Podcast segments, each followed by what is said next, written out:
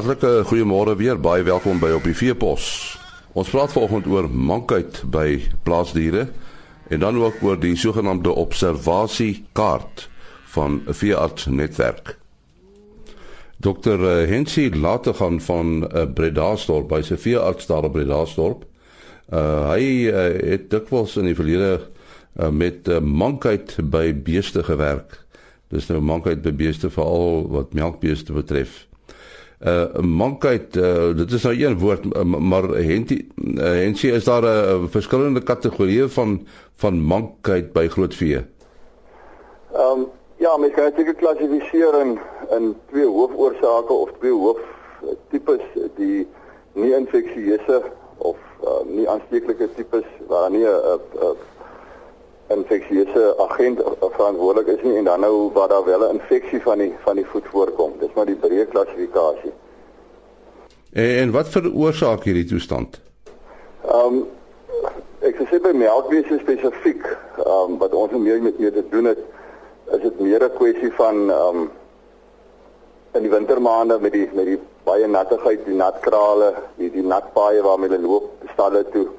Ehm um, en dan voetbeserings, hoefbeserings daaraan omgaan in 'n of oorgaan in 'n infeksie dan vir jou 'n 'n hoefinfeksie gee of 'n flou infeksie gee. Dit is maar die die hoofprobleem. Daar's baie ander probleme ons ook soos beserings en ehm um, voedingsversteurnisse en so aan, maar by ons die meerderheid gevalle is maar 'n geval van 'n infeksie wat volg op op 'n besering en veral in die wintermaande as dit so koud en, en nat is.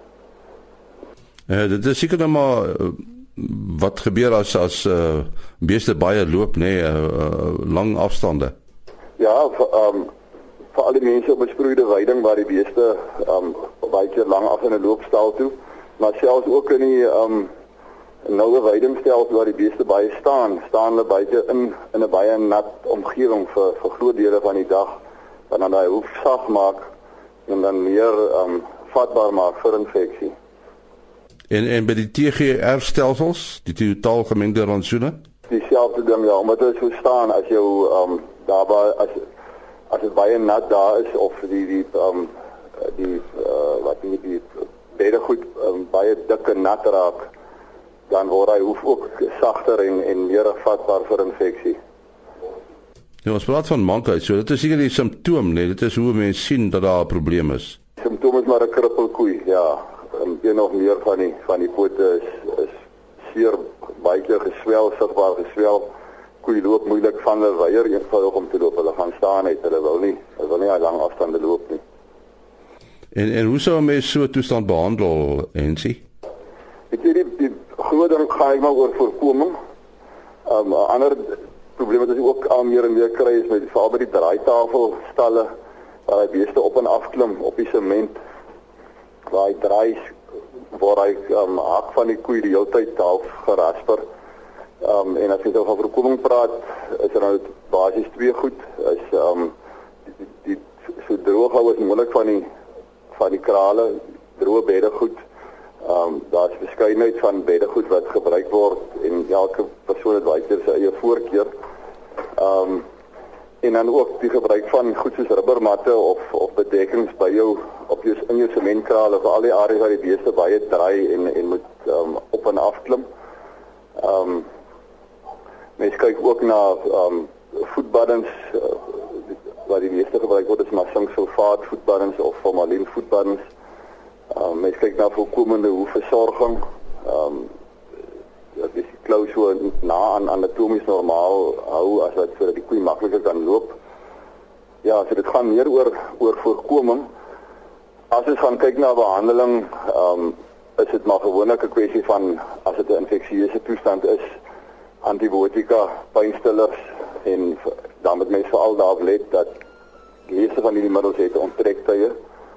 Ehm um, melkonttrekking, vleisontrekking. Daar is wel van die nuwe middels wat wat nie melk en melkonttrekkings het nie so mens kan daar is 'n daar is 'n keuse wat jy het die beste is is in so 'n geval om met jou plaaslike veearts te praat en iets te kry wat vir jou omstandighede die beste gaan werk so alle groot vee kry dit maar nee dit is nie net melkbeeste nie alle alle beeste kry dit. As jy weet melkbeeste nie, dis dit ons sien dit meer in melkbeeste omdat hulle so intensief aangehou word. Maar dit kan enige beeste aantas. Ja. Groot en klein. Nou, en sien jou telefoonnommer asseblief? Is uh 028 42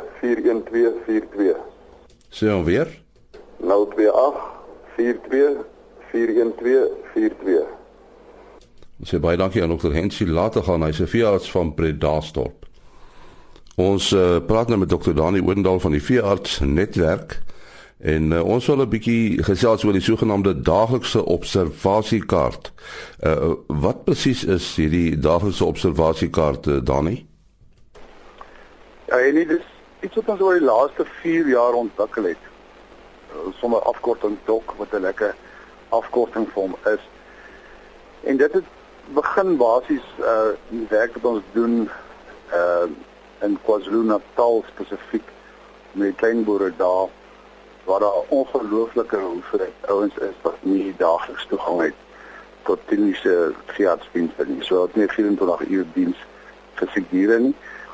En ons het agtergekom dat oor amper 90% van die probleme het ontstaan omdat ouens nie vroeë tekens van siektes kan waarneem. Nou dit is net so belangrik op kommersiële plase vir die veewagters wat op daaglikse basis na die beeste kyk.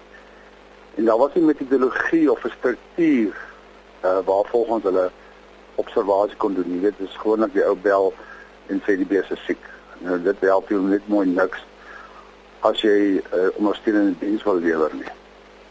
So ons het gaan kyk uh wat ons normaalweg gebruik in veearts my vir kliniese diagnostiek en dit probeer vereenvoudig na iets wat totaal verstaanbaar en onthoubaar is uh deur hierdie ouens. So ons het hom basies opgedeel in so 5 punt observasiesisteem. Uh wat baie eenvoudig begin met die kop van die dier en die rede hoekom ons die kop gebruik is omdat as jy 'n groot groep diere bymekaar het uh vroeg in die oggend of selfs kleiner groepe die eerste ding wat jy kan waarneem is die kop van elke dier en omdat die brein daar sit uh as daar enige iets te doen het met iets wat die totale liggaam aantas of die gedrag van die dier aantas dan gaan jy dadelik in die kop optel en as hulle dan by die kop bly dan kan jy nou by die kop 'n paar spesifieke goed na gaan kyk wat ons die ouens leer Byvoorbeeld, so gesê gedrag is heel eersteen. Dan spesifiek hoe lyk die oë, lyk die ore, die mond en die neus. So dit is net die eerste punt, dis net die kop. En dan as jy nou verder nog dieper gaan vat, die observasiekaart gee dan vir die geleentheid as jy sê maar na die oë kyk om te sien baie spesifiek wat die probleem is. Jy weet net sê die oog is aangetast. Jy wil sê daar's 'n uitloopse of jy wil sê die oog uh is wit of hy 'n geel punt of hy's toegeknyp of hy loop trane uit. Want elkeen van daai tekens gee vir die veearts wat kontak gaan word 'n idee van wat daar op die plaas in die gang is. So die res van daai dok wat ons hom noem daaglikse observasiekaart die ander vier komponente is die volgende is die die rumenvol. So na ons na die kop gekyk het, kyk ons het die dier gevreet. Het hy gister gevreet want daai driehoek daar agter aan die linkerkant van die bees net agter die ribbe boog gee vir ons indikasie of die dier volgevreet het die vorige dag. En dis weer eens een van die belangrikste tekens om te sien of 'n die dier gesond is en of daar iets besig is om te gebeur. daarmee saam kyk ons sommer na die kondisie van die dier en na sy vel en haar kleed. So dis die tweede punt. Die derde punt gaan oor die beweging van die dier. Ons kyk na sy riglyn, ons kyk hoe lê hy, sy lê, hoe staan hy en dan spesifiek na die voor en agterbene. As hy beweeg en die laaste punt daar's ook die stert wat vir ons 'n goeie indikasie is van die rugmurg en die effektiwiteit van die senuwee tot by die stert wat al sekere siektes soos lamsiekte wat die stert aantas. Die laaste twee punte is dan alles wat ingaan. So ons kyk nou hoe eet, hoe hy suip, hoe hy asemhaal. Daai drie goed, alles wat in die dier ingaan en dan mee saam hoe hy dan sluk ook en herkou.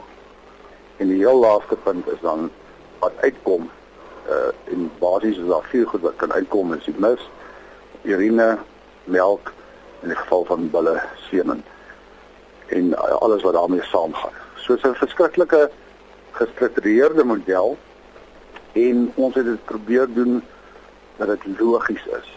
As ons eers vir 'n plaaswerker, veewagter of klein boer die model geleer het en nou kan dit binne 'n uur of twee doen, het hy 'n absoluut gestruktureerde model waarmee hy elke dag na die beeste kyk. Dis kom ons daaglikse observasiekaart doen. Uh siektes kan binne 24 uur verander of die gesondheidstatus van die dier. En hierdie ding is relatief. Jy sal sien ons het ontwikkel van niks af nie spesifiek vir afgelee training services wat of af af dit opleidingsdienste wat hierdie diens daar in die uh vorige huis tuislande lewer maar ons brei dit ook uit na kommersiële boere wat hulle veewagters wil oplei daarin en uh, ons wat ook beskikbaar stel deur die veeartse vir opleiding op grondvlak.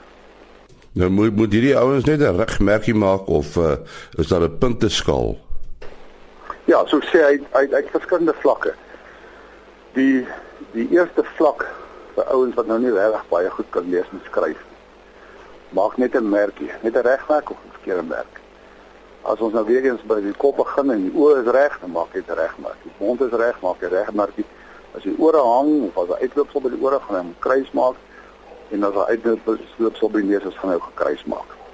En so gaan dit deur die deur die vyf punte en dit is die kaart wat hy kan gebruik as hy iemand bel om te sê wat is reg? Want dit is net so belangrik om te weet wanneer 'n ou 'n uh, tipe van diagnose wil maak of nader kom na die tipe van diagnose toe om te weet wat is reg as om te weet wat is verkeerd. Dit gee ons al alles aanleiding tot wat moontlik die probleem kan wees. Goed dan die telefoonnommer as ouens belangstel. Uh my telefoonnommer is 082 45 40532. Sê hom weer. My telefoonnommer is 0824540532. Dit was uh, Dr. Dani Oudendal van die Veearts Netwerk. Môreoggend is ons terug. Tot dan, mooi loop. Ooh.